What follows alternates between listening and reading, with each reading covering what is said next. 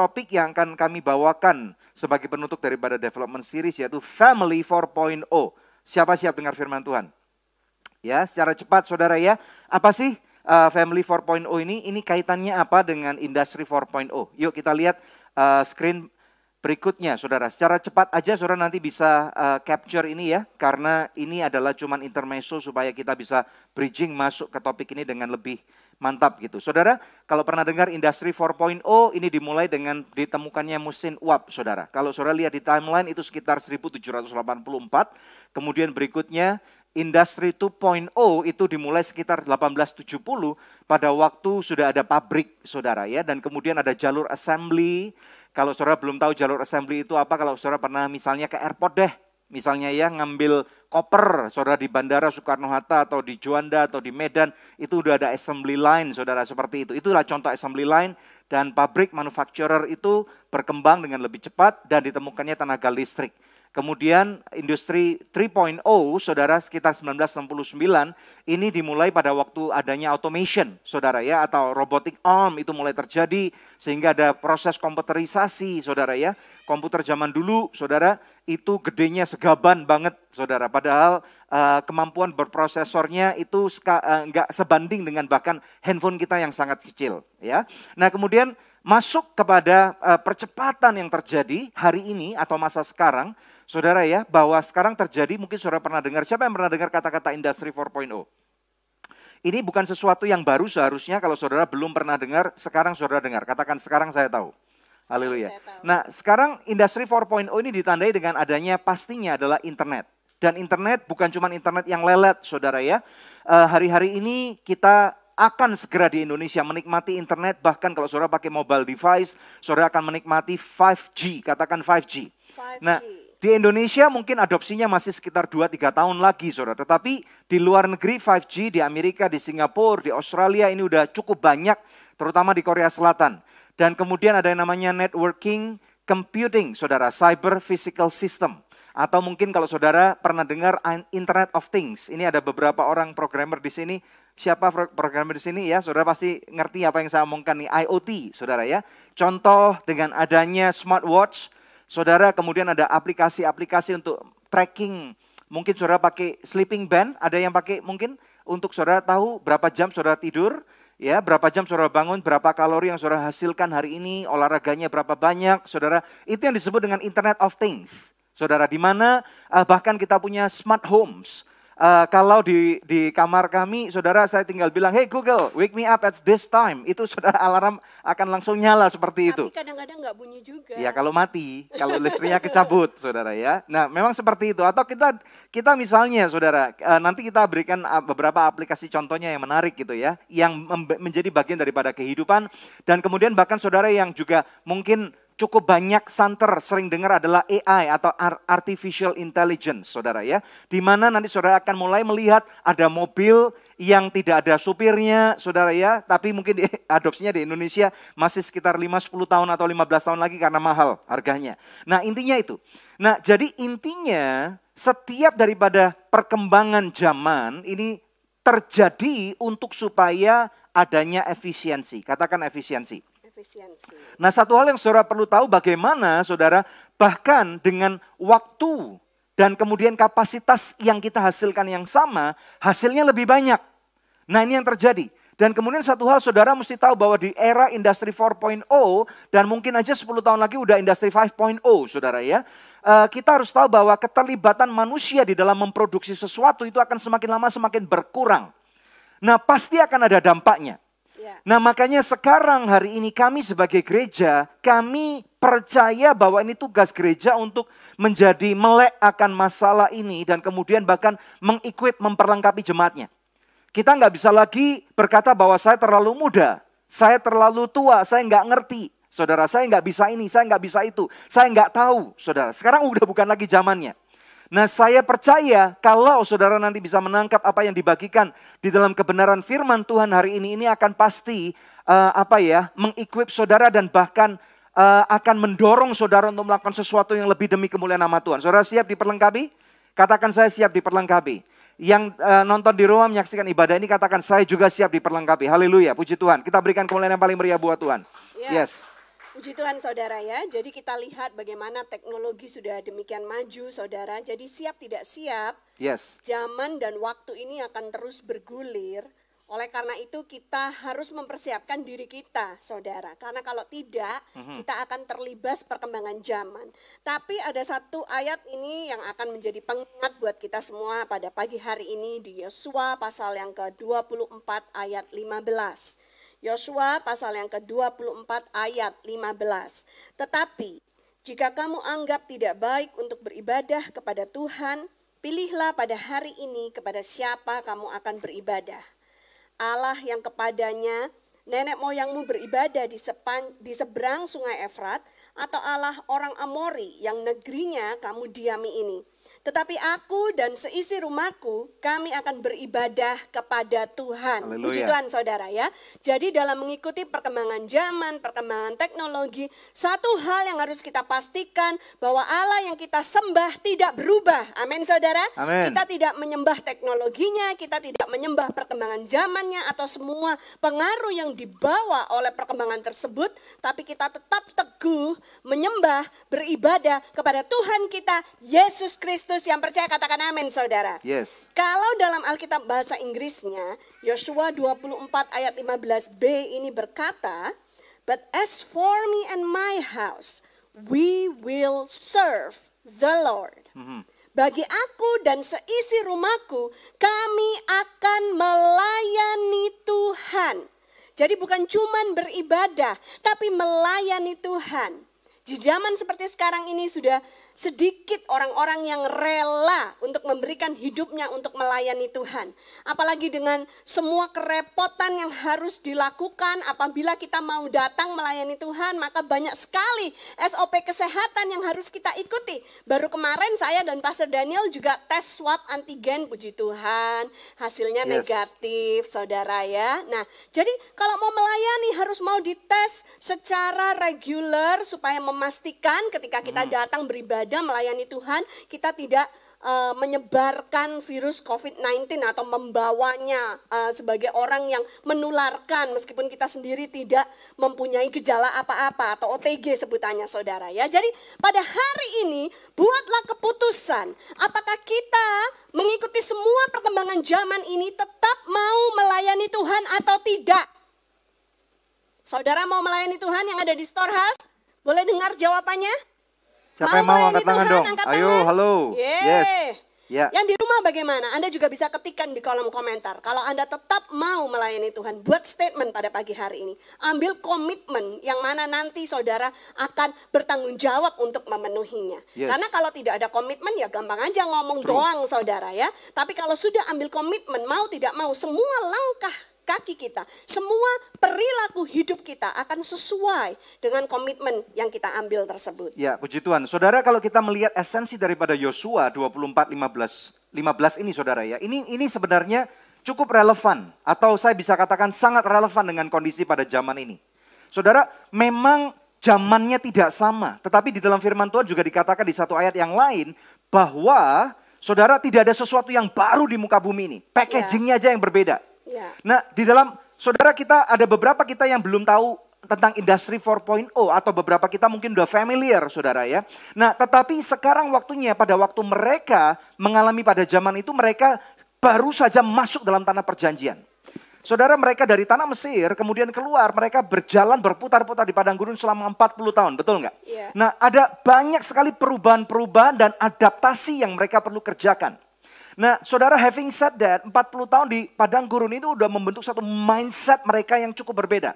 Mereka menjadi resilient, saudara mereka tidak lagi eh, maden, mereka menjadi nomaden, betul nggak ya saudara? Tetapi kemudian memasuki tanah perjanjian dan settle, mereka menjadi orang yang harus juga mempunyai pikiran yang terbuka. Ya. Nah ini makanya relevan banget. So apa pun zamannya, saudara saya tidak tahu tahun berapa nanti saudara menyaksikan khotbah ini, tetapi tahun berapapun zamannya, saudara harus membuat keputusan Tuhan mana yang saudara mau layani. Yes. Apa yang harus saudara mau lakukan? Percayalah bahwa resep ini resep kuno. Semakin saya menjadi dewasa atau mungkin bahasa itu bahasa halus dari menjadi lebih tua, saudara. ya, semakin saya menjadi lebih tua, saya lebih suka sesuatu yang resep kuno. Zaman sekarang Vespa lama mahal banget, Betul nggak saudara ya?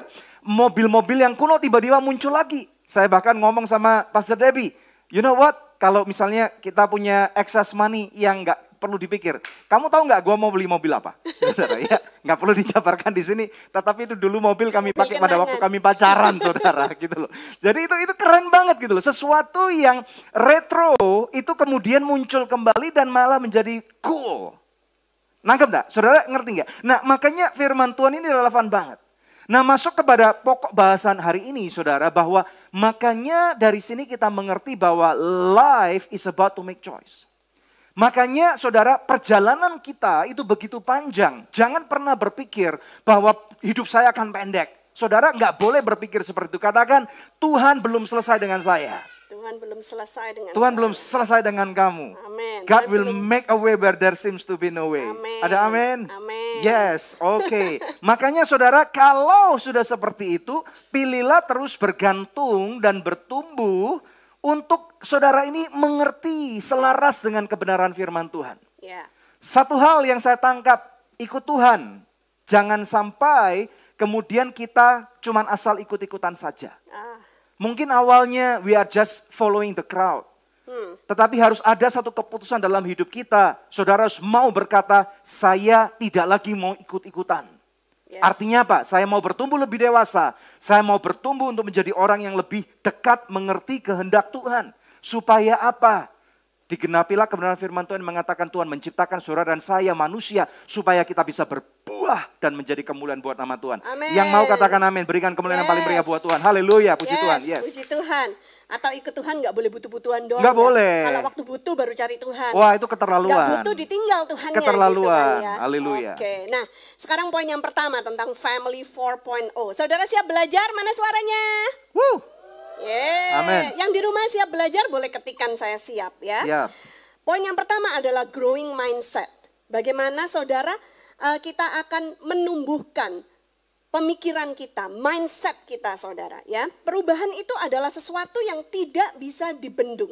Change is inevitable. Tetapi pertumbuhan itu adalah opsi. Pertumbuhan itu adalah pilihan yang harus kita ambil.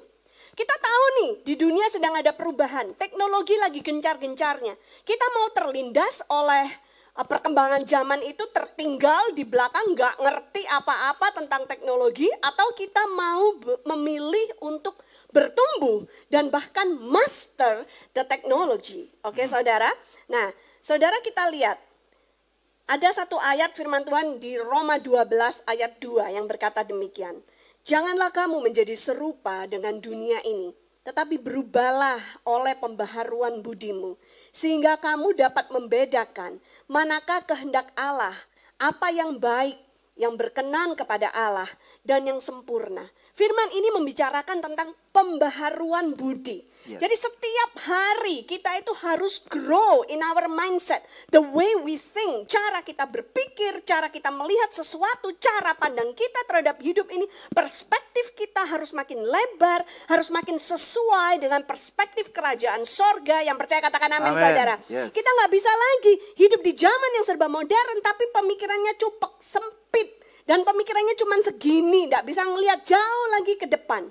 Karena itu saudara kita harus mau belajar untuk bertumbuh. Satu-satunya cara yang paling baik untuk kita bisa bertumbuh tentunya adalah membaca firman Tuhan, merenungkannya sehingga kita tuh bisa menangkap apa sih yang menjadi kehendak Tuhan dalam hidupku. Yeah. Banyak orang sudah ikut Yesus puluhan tahun, belasan tahun masih nggak ngerti apa kehendak Tuhan bagi hidup mereka. Saudara, kita benar-benar harus punya relationship yang baik sama Tuhan untuk bisa tahu, oh ini loh yang Tuhan mau dalam hidupku. True. Amin. So, saudara, foto yang saudara lihat ini, saudara tahu nggak ini foto apa? Oh, no, no, no, balik, balik sebelumnya.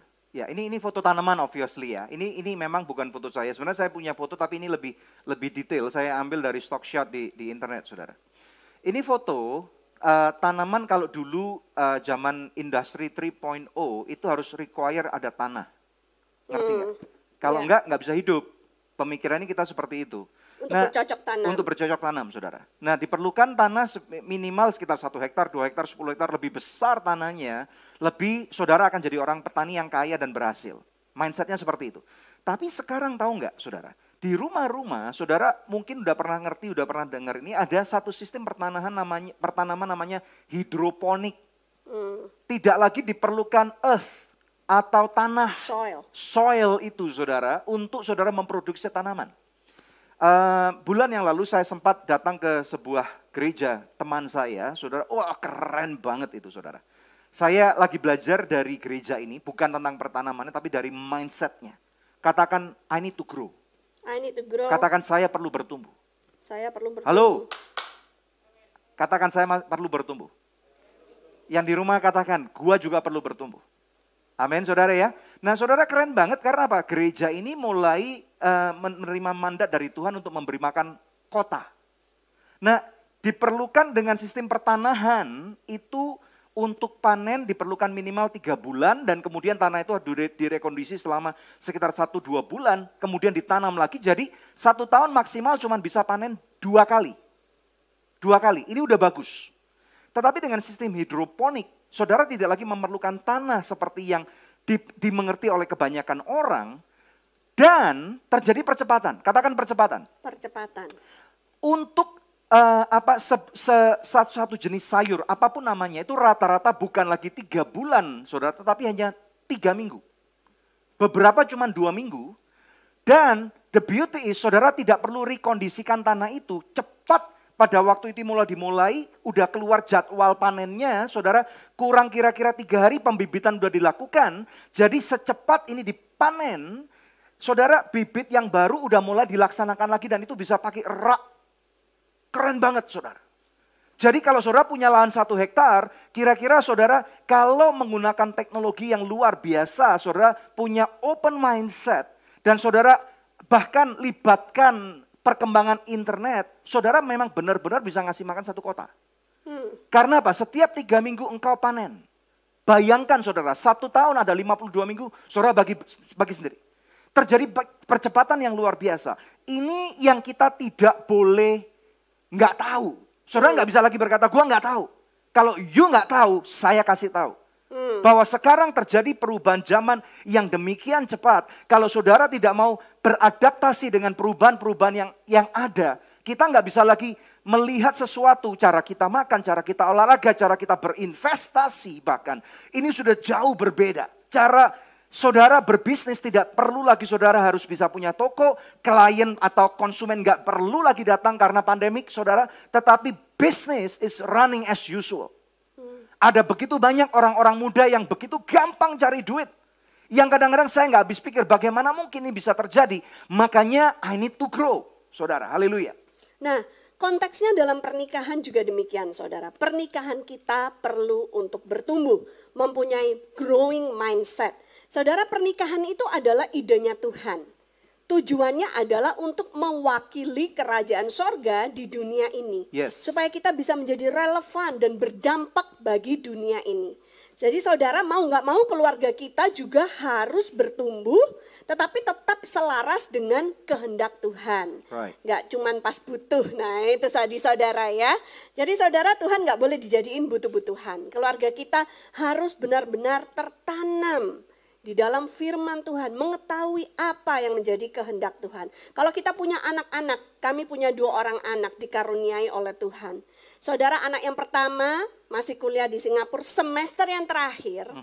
Dua bulan lagi dia akan lulus kuliah mendapatkan gelar S1 Praise the Lord. Saudara ya, eh, dia gelarnya nanti apa ya? Bachelor of Fine. Bachelor of Fine Art, honor film, saudara ya, karena dia mengambil prodi perfilman. Nah, tak tidak terasa bahwa bagaimana anak-anak ini bertumbuh over the years. Apakah kita sudah mempersiapkan anak-anak kita dengan sebaik-baiknya supaya ketika kita launching mereka ke marketplace, mereka siap, saudara, sudah dipersiapkan dengan semua yang ditanamkan oleh orang tuanya. Bukan cuma menanamkan kebenaran firman Tuhan, tetapi juga dibekali oleh skill-skill yang diperlukan untuk menjadi efektif dan hidupnya mempermuliakan Tuhan di zaman mereka. Para orang tua, boleh lambaikan tangannya. Yang mau mempersiapkan anak-anaknya, boleh katakan amin. Amin. Bagaimana dengan Anda yang di rumah? Yes. Kalau ada orang tua yang menyaksikan, ingin mempersiapkan anak-anaknya juga, boleh ketikkan amin, saudara. Ya. Nah makanya Bapak Ibu sekalian di tengah-tengah, sekarang pertanyaan gini, mungkin saudara bertanya, terus perannya Tuhan gimana ya? Tertarik nggak? Perannya Tuhan di zaman 4.0 ini gimana saudara? Atau mungkin nanti uh, eh, 100 tahun lagi 7.0, peran Tuhan di mana? Nah ini coba lihat slide ini saudara. Pada zaman sekarang, informasi itu saudara nggak perlu cari informasi, informasi datang sendiri. Oh iya. You bangun pagi-pagi tiba-tiba udah ada 100 uh, WhatsApp message. message yang udah menunggu kita dan untuk kita baca. Zaman dulu, saudara, saudara harus minimal pergi ke jalan untuk beli koran. Sepuluh tahun yang lalu saya membuat keputusan drastis. Saya nggak mau beli koran. Sebelumnya saya udah langganan koran, asik banget gitu saudara. Saya suka baca dan saya suka baca buku, tetapi saya lebih prefer baca koran dan artikel. Karena apa? Lebih up to date. Buku itu udah lama saudara. That's me. Mungkin saudara berbeda, baca buku saya juga lakukan. Nah, jadi 10 tahun yang lalu saya udah putuskan apa pun juga saya nggak bakal beli koran. Kadang-kadang saya beli koran untuk karena kasihan dengan yang jual. Tapi 10 tahun yang lalu saya saya made a deal with myself, I will never buy koran kertas Printed. lagi. Yeah. Nangkep ya, saudara. Printed Tetapi newspaper. hal itu tidak membuat saya kekurangan informasi loh. Malah saya kelebihan informasi. Pertanyaannya sekarang, bagaimana cara memilahnya? ada hate speech, ada hoax dan yang lain-lain, diperlukan keterampilan atau melek informasi, melek teknologi saudara. Makanya kalau dapat sesuatu message yang mengasihkan, jangan punya apa ya, uh, kepingin gue duluan mau read broadcast. Hmm. Baca dulu bos. Jangan jangan sampai saudara udah bagikan kepada orang lain dan ternyata itu adalah hate speech, saudara masuk penjara kena undang-undang ITE. Atau ternyata itu hoax. Kita nggak boleh seperti itu. Kita harus menjadi orang yang dapat memfilter. Nah makanya inilah diperlukan perannya roh kudus. Yes. Pada hidup kita. Kalau saudara tidak mempunyai hubungan yang kuat dan pribadi dengan Tuhan, saudara tidak akan mempunyai hikmat untuk saudara boleh memilah-milah mana yang benar, mana yang salah. Karena eh, kesalahan-kesalahan yang dimasukkan oleh orang-orang yang tidak bertanggung jawab itu kadang-kadang fine line. Saudara ngerti fine line? Itu setipis rambut bedanya. Diperlukan kejelian untuk tahu berlian mana yang asli, berlian mana yang palsu. Dan hanya orang-orang yang bukan cuma pakai kaca pembesar, tetapi yang udah bertahun-tahun berurusan dengan berlian, saudara orang itu akan tahu bahwa oh ini asli. Ini harganya mahal, ini worth spending, ini gua akan jual mobil gua untuk beli barang itu. Bukankah itu yang dikatakan oleh Alkitab kita pada waktu seseorang menemukan adanya mutiara di sebidang tanah, dia katakan, gua nggak bilang siapa-siapa, gua akan jual apa yang gua punya, gua akan beli tanah itu. So we need wisdom from the Holy Spirit pada zaman ini untuk tahu mana yang tepat, mana yang yang salah, mana yang tidak berguna, mana yang harus kita abaikan. Yang percaya katakan amin. Makanya kita perlu hubungan yang kuat dengan roh kudus. Kita nggak bisa tinggalkan Tuhan. Saudara perlu hikmat dan firman Tuhan mengatakan hikmat datang karena adanya takut akan Tuhan. Amen. Takut akan Tuhan terjadi karena kita kenal bukan ketakutan dari jauh tetapi karena kita reverent, kita in awe dengan uh, keluar biasaan Tuhan di mana dia tetap pelihara kita di musim pandemik ini saudara dan saya kalau saudara masih bisa ada di dalam ruangan ini, engkau masih bisa menyaksikan ibadah ini, artinya saya jamin Tuhan tetap pelihara saudara yang dipelihara Amen. oleh Tuhan. Mana suaranya. Ketikan amin. amin dan katakan Tuhan Yesus dahsyat dan luar yes. biasa. Haleluya. Haleluya. Puji Tuhan saudara ya. Jadi saudara kita harus bisa menggunakan teknologi ini untuk menjadi seseorang yang berguna dan lebih baik. Saudara, keluarga itu adalah institusi pertama yang Tuhan bentuk mewakili kerajaan sorga. Jadi saudara, kita harus mempersiapkan keluarga kita dengan sebaik-baiknya. Foto ini uh, diambil Beberapa saat yang lalu kalau sebelah kanan itu putra kami saudara ya James sedang sekolah online. Sekarang mau nggak mau anak kecil harus yes. dikasih gadget. Udah nggak bisa lagi kita tahan karena mereka sekolah pun harus online saudara. Nah kita perlu mempersiapkan anak-anak kita juga supaya punya growing mindset supaya nanti nggak terjebak dengan jebakan-jebakan iblis karena di dunia online pun ada begitu banyak kejahatan yang bisa dilakukan oleh orang-orang di luar sana. Right. Kita harus melindungi anak-anak kita dibarengin. Nah saudara tentang jebakan-jebakan itu nanti kita akan bicarakan lebih lanjut. Kemudian foto yang kiri ini diambil sekitar dua minggu yang lalu waktu kami pergi liburan saudara ke Jawa Tengah ya. Uh, ada jadwal komsel ini komsel Selasa, saudara ya. Nah, sebagai pemimpin yang bertanggung jawab, meskipun liburan nggak bisa cuma ditinggal begitu aja, saudara ya. That's Jadi, meskipun lagi di jalan, lagi di mobil, kami menggunakan fasilitas teknologi itu supaya bisa tetap online dan memimpin komsel berjalan dengan baik. Ada amin saudara. Ini adalah kelebihan-kelebihan yang bisa kita lakukan di zaman sekarang ini. Makanya pikiran kita harus mau tumbuh. Karena semua perkembangan teknologi ini bisa dipakai untuk melayani Tuhan. Untuk lebih lagi mempermuliakan Tuhan melalui hidup kita. Yang percaya katakan amin saudara ya. Puji Haleluya. Tuhan. Saudara, bahkan di gereja ini kami lagi konsolidasi besar-besaran, ya, eh, bahkan sedikit bocoran nih, sedikit bocoran. Saat ini kami udah punya research and development team. Alright, mana suaranya? Wow. Haleluya. Yeay. Yang yang terdiri dari anak-anak muda berumur 20 sampai 30 tahun. Nah, ini syaratnya mereka harus terbuka, mereka harus cool, saudara ya. Mereka harus orang-orang yang smart. Dan mereka saya memimpin bukan dengan metode seperti dulu hopefully ya. Dan kita kami lagi mempersiapkan satu alat untuk bisa membantu pertumbuhan rohani secara 4.0. Saudara, apa itu? Tunggu tanggal mainnya. Kapan itu? Hari Natal nanti. Oke, siapa yang excited? Pastikan saudara masih tetap ada, masih tetap semangat, masih yang penting masih tetap hidup. Karena untuk melihat ini saudara. Haleluya, puji Tuhan. Ya, go ahead. Ya, sekarang kita mau masuk ke poin yang kedua, saudara ya, tentang Nah, family yang mana nih? 4.0. Ya. Yang kedua adalah upgrade skill communication. Ya, saudara pilih yang mana? Yang gambar kiri atau yang kanan?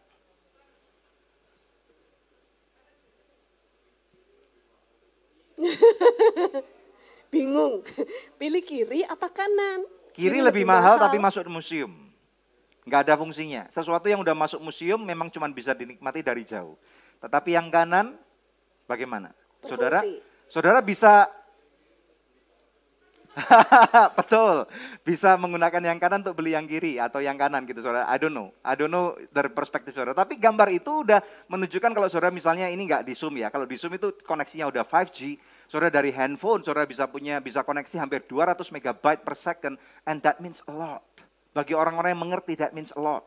Saudara bisa mengendalikan bisnis saudara dari 3.000 km atau 10.000 km jauhnya dari pertanaman tadi hidroponik itu saudara saya udah udah membacanya dan bahkan gereja tadi yang saya katakan itu lagi mempersiapkan dengan sistem computerized internet internet savvy saudara. Bahkan itu kita udah jam 5 pagi tiba-tiba udah obatnya akan keluar sendiri saudara ya. Dan modelnya seperti itu. That means a lot. Nah makanya kita juga perlu upgrade communication skill kita. Ya, jangan sampai kita cuma punya gadgetnya aja yang di-upgrade setiap tahun atau dua tahun sekali, makin lama makin canggih. Tapi kitanya tidak punya communication skill yang upgraded. Nah itu nggak boleh. wow Ya. katakan wow Wow gitu Wow, loh. wow, ya. wow, wow. Jadi gadgetnya semua keren-keren, tapi seorang suami tetap tidak bisa memberitahu istrinya kalau telat pulang. nggak nyindir gua kan Enggak, suami lain gitulah ya. Saudara, jadi istrinya menunggu di meja makan, makanan sudah dingin semua, saudara ya. Dan akhirnya dia harus makan sendirian di dalam hening sunyi. Waduh, kalau itu terjadi berulang-ulang kali, artinya kamu nggak cerdas.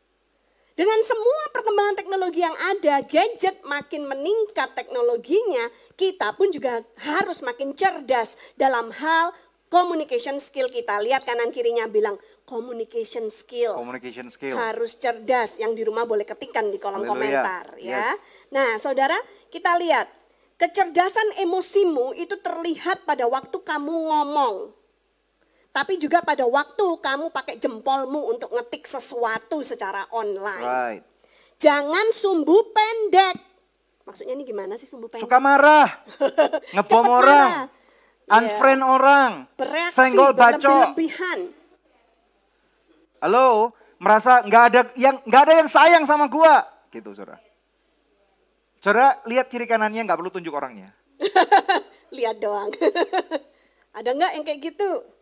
Nah, jadi saudara kita lihat ya, kita perlu mengembangkan kecerdasan emosi kita, dengan itu juga mengembangkan communication skill kita. Jadi komunikasi itu bisa berjalan dengan baik, meskipun lewat gadget. Yes. Saudara kadang-kadang kalau kita kirim WhatsApp ya, kan nggak ada nadanya. Tapi WhatsApp itu yang nggak ada nada itu bisa bikin orang yang terima tersinggung. Lalu bete seharian. Apalagi kalau kita nggak sengaja tekan caps lock-nya. Sehingga pesan kita tuh semuanya huruf besar. Seakan-akan kita marah. Padahal kita tidak sedang marah. That's right. Jadi kalau kirim WhatsApp, kemudian uh, mulai menegang conversationnya, itu harus ada yang cerdas emosi ngomong. Saya nggak sedang marah loh ya, saya nggak sedang panas. Makanya kenapa itu menjelaskan ada beberapa orang yang tiap kali kalau ngirimkan pesan selalu ada emotikonnya selalu dikasih gambar uh, apa orang senyum, dikasih gambar hati, dikasih gambar eye candy. Itu tujuannya apa? Supaya yang membaca tahu perasaan kita ketika kita sedang mengetikkan kalimat tersebut, Saudara. Nah, jangan sampai terus keluarga kita hancur berantakan gara-gara tersinggung over a message. Over a WhatsApp message yang tidak ada nadanya tersebut. Jadi kita harus juga mengembangkan skill kita dalam berkomunikasi secara online. Ya, dan saudara di dalam industri 4.0 ini satu hal yang terjadi, ada banyak sekali opportunity yang yang tiba-tiba muncul. Betul nggak, saudara ya? Ibu-ibu rumah tangga yang dulunya uh, adalah uh, menjadi menjadi apa ya? Menjadi menjadi penopang, sorry, bukan menjadi penopang, menjadi penolong. penolong, sekarang menjadi penopang. Mereka menjadi breadwinner. Karena apa? Tiba-tiba masakan-masakan itu sekarang kita hidup dalam satu zaman yang keren banget. Masakan rumahnya siapa aja bisa kita nikmati saudara. Maksudnya hampir gitu loh. Karena apa? Dengan keterbatasan adanya orang nggak bisa kerja, suami nggak bisa ke kantor dengan baik, uh, income dikurangin, kemudian mama-mama menjadi cooking mama benar-benar saudara. Yang kemudian akhirnya ini bisa menjadi monetisasi. Kita bisa menikmati, saudara bisa menikmati makanan rumah kami kalau saudara pesan di Depi Kitchen. Ini sisipan saudara sedikit ya. nah, makanya saudara ya. Jadi, jadi makanya dengan itu tetapi be very careful. Ya. Kita tidak boleh terlalu apa ya over optimis. Karena kita melihat peluang dan kemudian kita menjadi giras, menjadi apa ya, menjadi menjadi over optimis, over confident, kemudian kita mulai ekspansi besar-besaran tanpa melihat kondisi pasar, melihat statistik dan lupa berdoa. Saudara, doa diperlukan di dalam ekspansi bisnis saudara. Izinkan Tuhan menjadi CEO, CFO saudara untuk kemudian mengatakan tentang kondisi pasar yang engkau nggak kelihatan. Saudara perlu punya saat teduh, merenung untuk Tuhan ngomong the still small voice not just inside your head, tetapi inside your heart yang mengatakan, now it's a time. Atau mengatakan, wait, tunggu tiga bulan lagi. Karena apa? Overnya confident dan kemudian kita lupa tendensinya melibatkan Tuhan. Kita investasi besar-besaran yang kemudian menjadi tiba-tiba pressure. Saudara, tekanan-tekanan hidup kemudian menjadi begitu tinggi karena dengan adanya percepatan, saudara mau nggak mau investor kamu atau yang ngutangin duit kamu jadi tahu lu rebahan, nyantai atau kerja beneran. Saudara akibatnya bunga berbunga berjalan terus. Saudara mau nggak mau you harus perform yang kemudian membuat hubungan suami istri menjadi renggang. Hubungan orang tua dan anak menjadi jauh. Kita nggak bisa lagi, nggak nggak suka lagi untuk melayani Tuhan. Karena apa? Melayani Tuhan tidak lagi menjadi sesuatu yang menguntungkan buat kita karena hitungannya hanya dollar and cents atau rupiah saja. Kita menjadi begitu apa ya saudara, pokoknya kalau saya ketemu dengan orang-orang ini hasilnya duitnya jelas. Kalau saya ke gereja nggak jelas. Atau akibatnya ini membuat kita jadi gampang marah. Over something that is so small, so petty. Yang seharusnya kita bisa menikmati keluarga kita. Our heaven on earth. Dan itu menjadi menjadi apa ya? Saling bunuh, saling caci maki, saling membenci saudara. So kita perlu Tuhan. Amin. Alright. Ya, Nah, saudara ini ngomong hal yang esensi ya, karena karena pressure, kadang kita itu bisa menjadi orang yang berbeda di dalam dan di luar rumah. Dan karena pressure juga, kadang kita bisa menjadi orang yang berbeda dalam kehidupan nyata dengan di dunia maya. Nah, itu yang nggak boleh, saudara. Kita yes. harus menjadi who we are. Baik dalam dunia maya maupun di dalam uh, dunia nyata, seharusnya kita menjadi orang yang sama, saudara. Saudara kita harus bisa membedakan antara real life dengan screen life. Seringkali wow. orang itu kecanduan dunia maya, kecanduan games, kecanduan sosial media karena apa sih? Karena mereka merasa kehidupan mereka di dunia nyata membosankan. Lebih asik kehidupan dunia maya. Kenapa bisa seperti itu? Karena you don't build your communication with your family di dunia nyata. Kalau di dunia maya, katakanlah sosial media, oh sering upload, posting ya kan, sering upload story supaya orang tahu hidup kita. Terus kita paint a picture that is not. Kita memberikan gambaran mesra, padahal lagi berantem. Habis foto mesra berantem lagi saudara. Lah itu nggak boleh. Atau habis khotbah berantem. Nah itu nggak boleh. Kita nggak boleh hidup dalam Kita enggak kan ya? kepura-puraan. Kita enggak ya? Enggak. Semalam muda soalnya. Eh. On air ini ya. Kita tidak boleh hidup dalam kepura-puraan yang seperti itu. Makanya Pastor DND tidak pernah bosan untuk mengajarkan kepada jemaat di mana pun kalian berada. ya Jangan jaim. Jangan cuman melakukan hal-hal itu untuk image. Yang perlu diperbaiki adalah hubungan kita, komunikasi kita, bukan image-nya. Kalau hubungan kita baik, eh, komunikasi kita baik, mau dilihat dari segi apa pun, diambil dari kamera angle apa pun, tetap baik. Right. Tapi kalau you cuman perbaikin image di depan kamera, you kelihatan bagus. Di belakang kamera, who knows? Saudara mau punya keluarga yang seperti itu? Kalau saya sih nggak mau. Mau. Saya mau kalau ada kamera yang jebret kami lagi bahagia, itu yang kalian lihat. Cuman 10% dari kebahagiaan kami. Tapi dalam Wow. kehidupan asli kami, kebahagiaannya melimpah ruah saudara. Wow, wow, wow. Katakan wow. Haleluya. Nah masalahnya gini saudara, karena kita udah terbawa arus, kita jadi nggak sadar gitu. Ini masih dalam communication skill. Kita jadi nggak sadar, kadang-kadang kita bisa nice dengan orang di luar rumah. Kemudian dengan orang di dalam rumah atau lingkup keluarga kita, kita jadi macan. Hmm. Kita menjadi gampang marah, kita jadi emosian, kita jadi agitated gitu loh. Ngomongnya kadang-kadang jujur aja saya juga bisa seperti itu. Ngomong dengan beberapa orang tertentu saya kayaknya udah uh gak sabar gitu saudara. Kayaknya uh kita mau untel-untel orang itu. Gitu saudara ya. Tetapi kita harus harus dewasa. Ingat saudara, cara kita ngomong menunjukkan kecerdasan emosi kita. Katakan, cara saya ngomong Cara saya ngomong menunjukkan menunjukkan kecerdasan emosi saya. kecerdasan emosi saya. Itu ada loh dalam firman Tuhan saudara ya. Jadi kita mesti mengerti ini. Jangan sampai atau sebaliknya. Kita baik sama orang dalam rumah. Ini ini jarang banget. Sama orang dalam rumah baik, sama orang nggak luar rumah nggak baik. Kadang mungkin kalau setiap pulang matanya biru satu, pasti sama orang luar rumah nggak baik. Betul nggak saudara? Jadi kita mesti seimbang.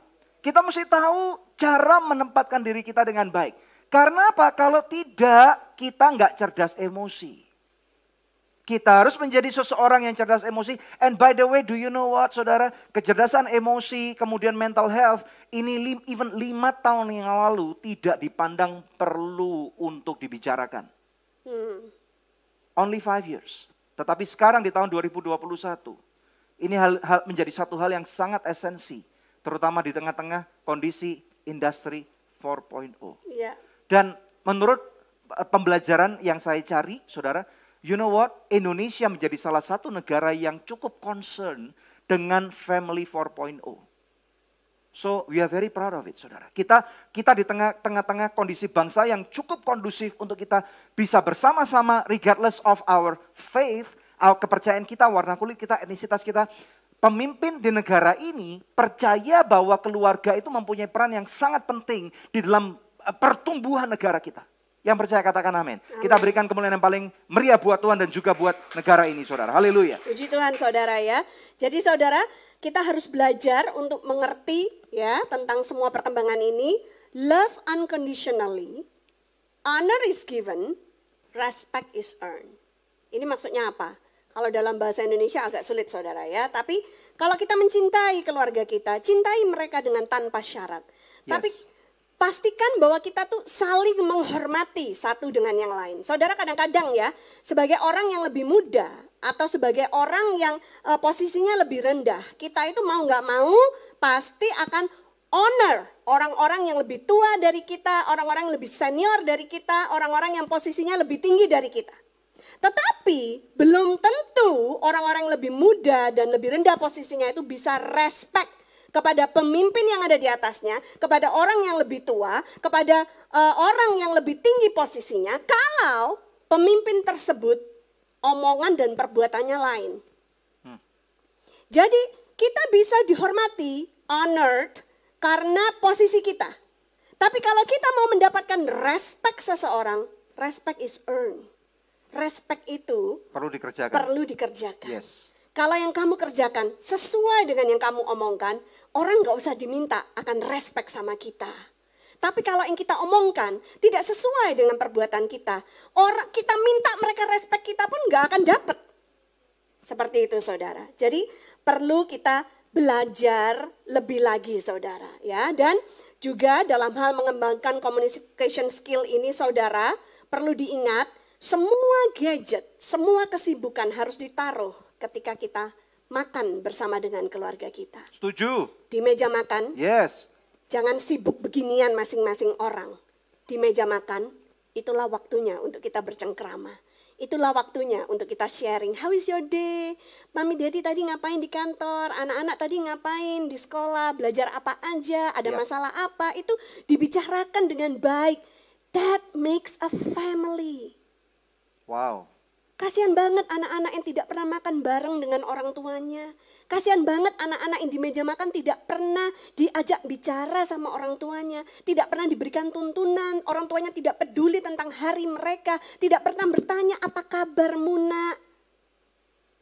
Jadi mau gak mau saudara, kita harus mengambil keputusan yang pasti. Di meja makan, jangan pegang gadget. Karena ini adalah waktu keluarga kita. Yang mau katakan amin. amin. Ya, puji Tuhan. Haleluya. Uh, saudara diberkati oleh Tuhan? Ya, belajar sesuatu. Ya, ini masih dua poin ya. Kita masih ada dua poin lagi. Kita harus cepat nih karena waktu. Saudara yang ketiga. Nah, di tengah-tengah uh, family atau industri 4.0 ini kayak hutan. So, awas terjebak. Hmm. Poin yang ketiga ini me memperingati kita. Jadi kita nggak mungkin cuman boleh, boleh, boleh, iya, iya, iya, iya, dibangun, dibangun, tapi kita harus aware. Rambu-rambu lalu lintas ada juga kadang-kadang tanda dilarang masuk. Hmm. Kalau saudara terabas, kemungkinan dua. Saudara bisa nabrak orang atau saudara digebukin orang. Betul nggak saudara? Ya. Nah orang-orang kita, saya nggak mau ngomong pakai orang Indonesia saudara. Orang-orang kita perlu belajar untuk paham ini saudara. Awas jebakan. Ya, saudara, di dalam kehidupan pada zaman ini, pada setiap zaman ada jebakannya masing-masing. Yeah. Nah, makanya saudara di dalam Efesus 6 ayat 11, kita kembali kepada firman Tuhan. Mengatakan dengan jelas, kita baca bersama-sama, siap, dua, tiga. Kenakanlah seluruh perlengkapan senjata Allah, supaya kamu dapat bertahan melawan tipu muslihat iblis. Saudara kita nggak bakal menang kalau berbicara lihai-lihan tentang tipu muslihat bersama dengan iblis. Hmm. Kita nggak boleh naif. Halo, jangan jadi seseorang yang naif. Yang berkata everybody is good. Saya nggak mungkin jatuh dalam dosa.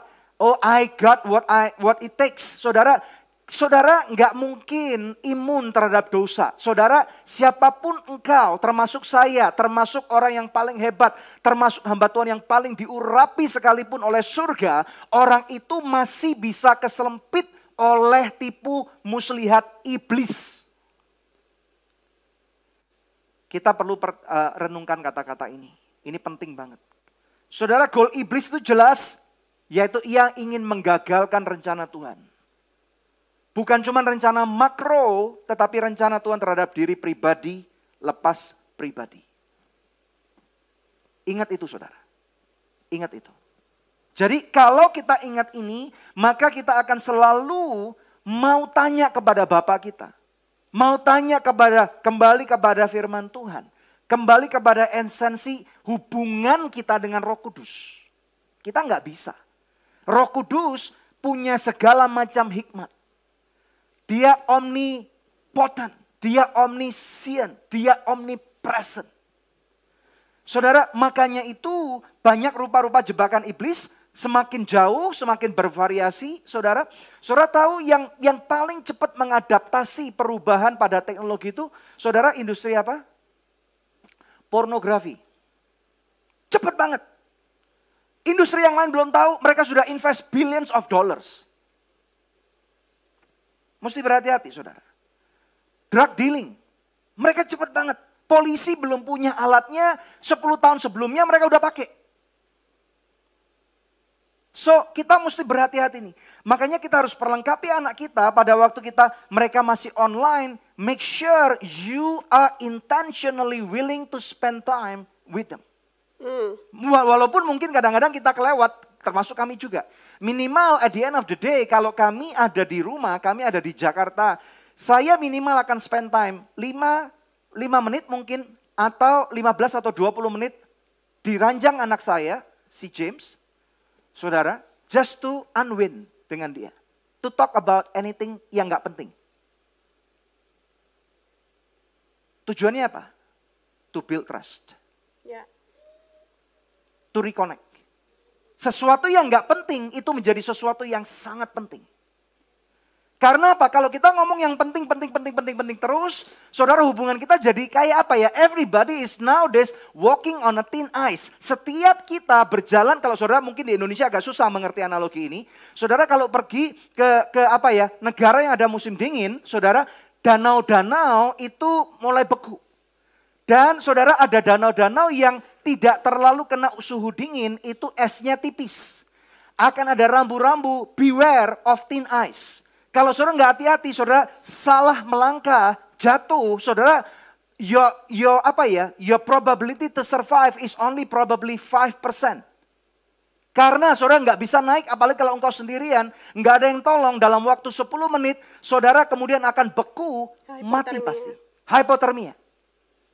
Makanya itu di industri 4.0 kita suka nggak suka, tahu nggak tahu, saudara akan akan terlibat oleh ini, saudara. You got to learn. Kita harus mau belajar. Haleluya. Perlengkapi anak-anak saudara yang masih kecil. Barengin mereka kalau online. Kasih waktu tapi terbatas untuk riset. Dan yes. riset itu halal yang baik gitu saudara. Jadi kita barengin mereka riset supaya mereka tuh mendapatkan manfaat yang baik dari teknologi. Jangan sampai mereka riset-riset sendiri, ketemu sama dunia hitam di internet, ketemu sama pornografi, kecanduan dan lain sebagainya. Atau online gambling? Ya, lalu mereka akan menjadi uh, mangsa dari predator, berarti hati saudara ya. Jadi saudara, kita harus mempersiapkan anak-anak kita. Jangan cuma kasih gadget kalau you tidak bisa ngajarin anak kalian bagaimana caranya menggunakan gadget ini dengan baik dan right. bertanggung jawab. Ngasih gadget murah, tinggal diberiin, bayar, bayar doang. Tapi kalau anak you rusak, itu perlu waktu bertahun-tahun untuk bisa mengembalikan dia ke jalan yang benar. Punya duit berapapun gak ada artinya. Saudara kalau anak Anda sudah terlanjur terjebak, barengin dia. Detox dari semua pengaruh online, dari semua pengaruh gadgetnya yang buruk. Ambil sita gadgetnya, biarkan dia bermain-main seperti anak normal, sambil terus dikasih firman Tuhan, diarahkan ulang sampai hidup mereka benar kembali di hadapan Tuhan. Ya. Kalau mau tahu caranya di Goodnews Program kami banyak cukup banyak membahas tentang ini saudara ya. E, masih tentang jebakan. Berhati-hati saudara, satu hal dalam pernikahan agenda iblis adalah menghancurkan kita termasuk membuat pernikahan kita hancur. What am I talking about? Perceraian. Keluarkan gambarnya. Haleluya. Saudara, Maleaki 2:16 mengatakan dengan jelas Tuhan ngomong sama orang Israel sebab aku membenci perceraian firman Tuhan Allah Israel. Juga orang yang menutupi pakaiannya dengan kekerasan, firman Tuhan semesta alam. Maka jagalah dirimu dan janganlah berkhianat. Kalau saudara saya katakan setiap orang uh, tidak imun terhadap atau bisa jatuh terhadap dosa ini, saudara pengkhianatan, perselingkuhan dan yang lain-lain. Makanya kita perlu berhati-hati. Ini perlu perlu beberapa episode atau atau minggu demi minggu untuk belajar supaya kita nggak bercerai. Tapi ya. ini kita ajarkan aja cuman untuk supaya kita nggak terjebak. Dan saudara, kenapa ya? kenapa bisa seperti ini saudara? Karena artis-artis yang kita tonton setiap hari itu saudara, pola hidup mereka kawin cerai itu sudah sesuatu yang biasa. Bahkan wow. mereka memberikan kesan bahwa it's okay kok. Buktinya setelah kawin cerai terus ini bapak ibu kawin lagi punya anak lagi oh bisa kumpul damai gitu. Seakan-akan it's okay, but it's not okay karena itu melanggar firman Tuhan saudara. Yes, uh, satu hal yang saya mau tekankan dulu. Tuhan membenci perceraian tetapi Tuhan tidak pernah membenci Anda. Kalaupun saudara mungkin yang menonton ini pernah bercerai satu kali, dua kali, tiga kali. God still loves you. Amen. Dia tetap putuskan untuk mati demi saudara walaupun saudara sudah bercerai sekalipun. Yang percaya katakan amin. Haleluya. Ya, kemudian lagi satu firman ini Roma 12 ayat 9. hendaklah kasih itu jangan pura-pura. Jauhilah yang jahat dan lakukanlah yang baik. Jangan Amen. fake. Don't fake it. Orang dunia bilang fake it until you make it. I say don't fake it. Firman Tuhan bilang don't fake it. Kalau engkau mengasihi, kasihi dengan tulus, bukan demi konten. Saudara istri-istri ngefans kepada K-drama atau K-actor. Why? Karena mereka dalam hati kecilnya yang paling dalam pengen punya-punya suami itu yang romantis. Tapi suaminya nggak bisa. Lalu istri-istri mulai halusinasi saudara ya suaminya dimirip-miripin sama K-actor meskipun nggak mirip gitu saudara ya. Nah, saya sungguh berharap supaya istri-istri itu ketika berintim dengan suaminya tidak membayangkan ke aktor tersebut, saudara. Wow. Karena itu sudah masuk dalam ranah perzinahan. Wow. Yesus bilang kalau engkau melihat seseorang dan menginginkannya bernafsu atas dia, itu perzinahan sudah terjadi. Makanya saya nggak bolehin dia nonton K, saudara. Karena apa? Biar dia nonton. bernafsu sama saya. Itu jawabannya. Ya tapi bukan cuma K doang ya, Hollywood juga bisa seperti itu. Nggak boleh saudara. Jadi kita harus tahu menaruh batas, jangan fake. Yes, pemain keyboard boleh kembali ke tempatnya. Nah ini jebakan yang satunya ya. Saudara berhati-hati dengan keinginan cepat kaya. Ya, saudara eh, 1 Timotius 6 ayat 9 dan 10 mengatakan ini, tapi kita karena waktu kita baca ayat 10 aja. Baca bersama-sama, yuk baca bersama-sama ini ini ini untuk semua generasi, mulai dari bayi, ken-ken sampai yang paling tua. Ini cocok. Yuk baca ya, dua tiga. Karena, Karena akar segala kejahatan ialah cinta, cinta uang. Sebab oleh memburu uanglah beberapa orang telah menyimpang dari iman dan menyiksa dirinya dengan berbagai-bagai duka. Apakah uang itu salah? Tidak. Yang salah itu apa? Cinta, Cinta uang. Jangan cinta uang, cinta Tuhan saja. Amin. Kalau saudara cinta Tuhan, saudara gila sama Tuhan, nanti kekayaan akan datang kepada saudara. Apa yang dicari oleh orang-orang dunia, firman Tuhan Matius 6:33 mengatakan itu yang Tuhan berikan, Tuhan tambahkan, pakai bonus, pakai gratis, saudara. Susah payah tidak akan ditambahkannya. Yang percaya katakan amin. Amin. Berikan kemuliaan yang paling meriah buat Tuhan. Haleluya. Yes. Haleluya. Ini Poin yang terakhir, terakhir. saudara adalah antisipasi dalam 4.0 ini. Lebih baik mencegah daripada mengobati. Lakukan check up skala, secara berkala. Bukan cuma dengan kesehatan kita, tapi juga dengan pernikahan kita. Di mana pernikahan kita hari ini? Jangan tunggu 10 tahun tidak berhubungan jasmani dan rohani sama suaminya. Baru sekarang minta bantuan orang, it's a little bit too late. Meskipun bagi Tuhan tidak ada yang mustahil. Yes. Seharusnya sejak 10 tahun yang lalu kalau sudah terjadi masalah tidak ada Right. hubungan jasmani dan rohani sama suamimu, kau harus mau seek help, minta konseling. Jangan pernah menganggap bahwa malu nanti orang bilang apa, kita kan keluarga terpandang. Seek help daripada kalau sudah kejadian lalu cerai sama aja malu kan? Right. Tapi kalau you seek help earlier, minta bantuan dari awal, banyak hal yang kerusakan-kerusakan yang sebenarnya bisa dicegah tidak terjadi. Yes, ini penting banget Bapak Ibu sekalian. Jadi miliki satu jadwal yang tetap sama seperti tune up mobil, periksa dokter gigi. Saudara, tadi saya eh, mendengar Pak Kus katanya baru check up kesehatan. Saudara, jadi it's normal. Kami sebagai lead pastor gereja ini, we, are, we want to make ourselves to be available untuk check up pernikahan saudara. Atau saudara bisa bertemu dengan konselor pernikahan yang Kristen. Ini penting. Menjadi terbuka. Be vulnerable. Menjadi rapuh pada waktu engkau terbuka. Untuk ditanyakan bagaimana dengan pernikahan, bagaimana dengan hubungan seksualmu, bagaimana dengan kondisi pernikahanmu, bagaimana dengan pekerjaanmu, bagaimana dengan janjimu terhadap Tuhan, nasar-nasar. Saudara ini perlu untuk diperiksa ada, mungkin ada 10, 21 list yang kita akan go through sama-sama. Ini penting banget. Bukan kepo, bukan gak ada kerjaan, tetapi ini esensi.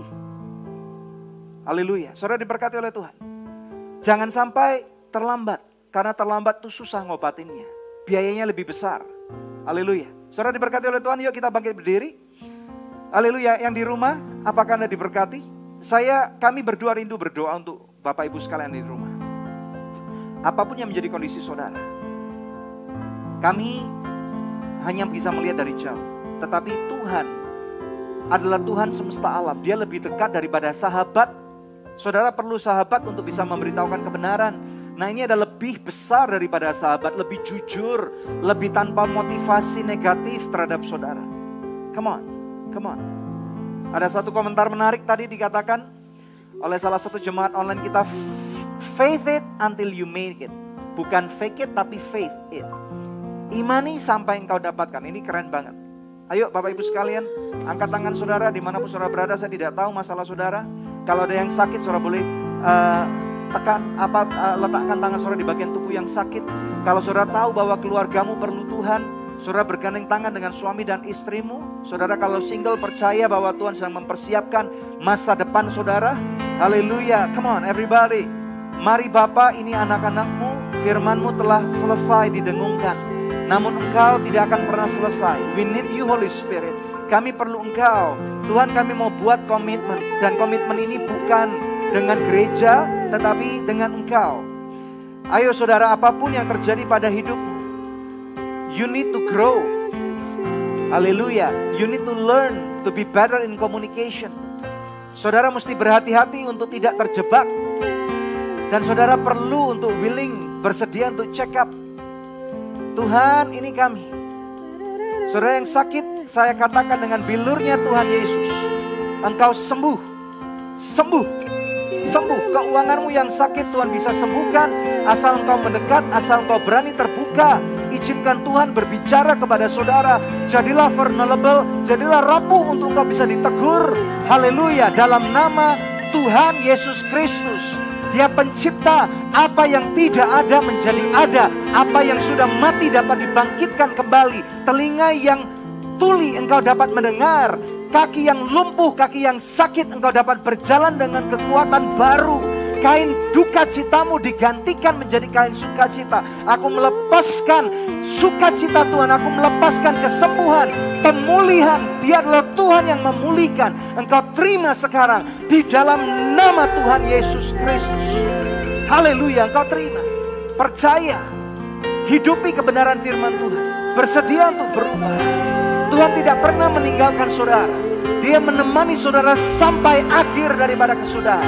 And I release God's wisdom and blessing and grace upon your life. Receive it right now in the mighty name of Jesus. Haleluya. Terima kasih karena kamu sudah join dan mendengarkan khotbah dari Pastor Daniel Hendrata di podcast Anugerah Church. Kalau kamu diberkati dengan podcast ini, yuk share ke teman-teman lainnya agar lebih banyak lagi jiwa yang diberkati. Anugerah Church at Storehouse.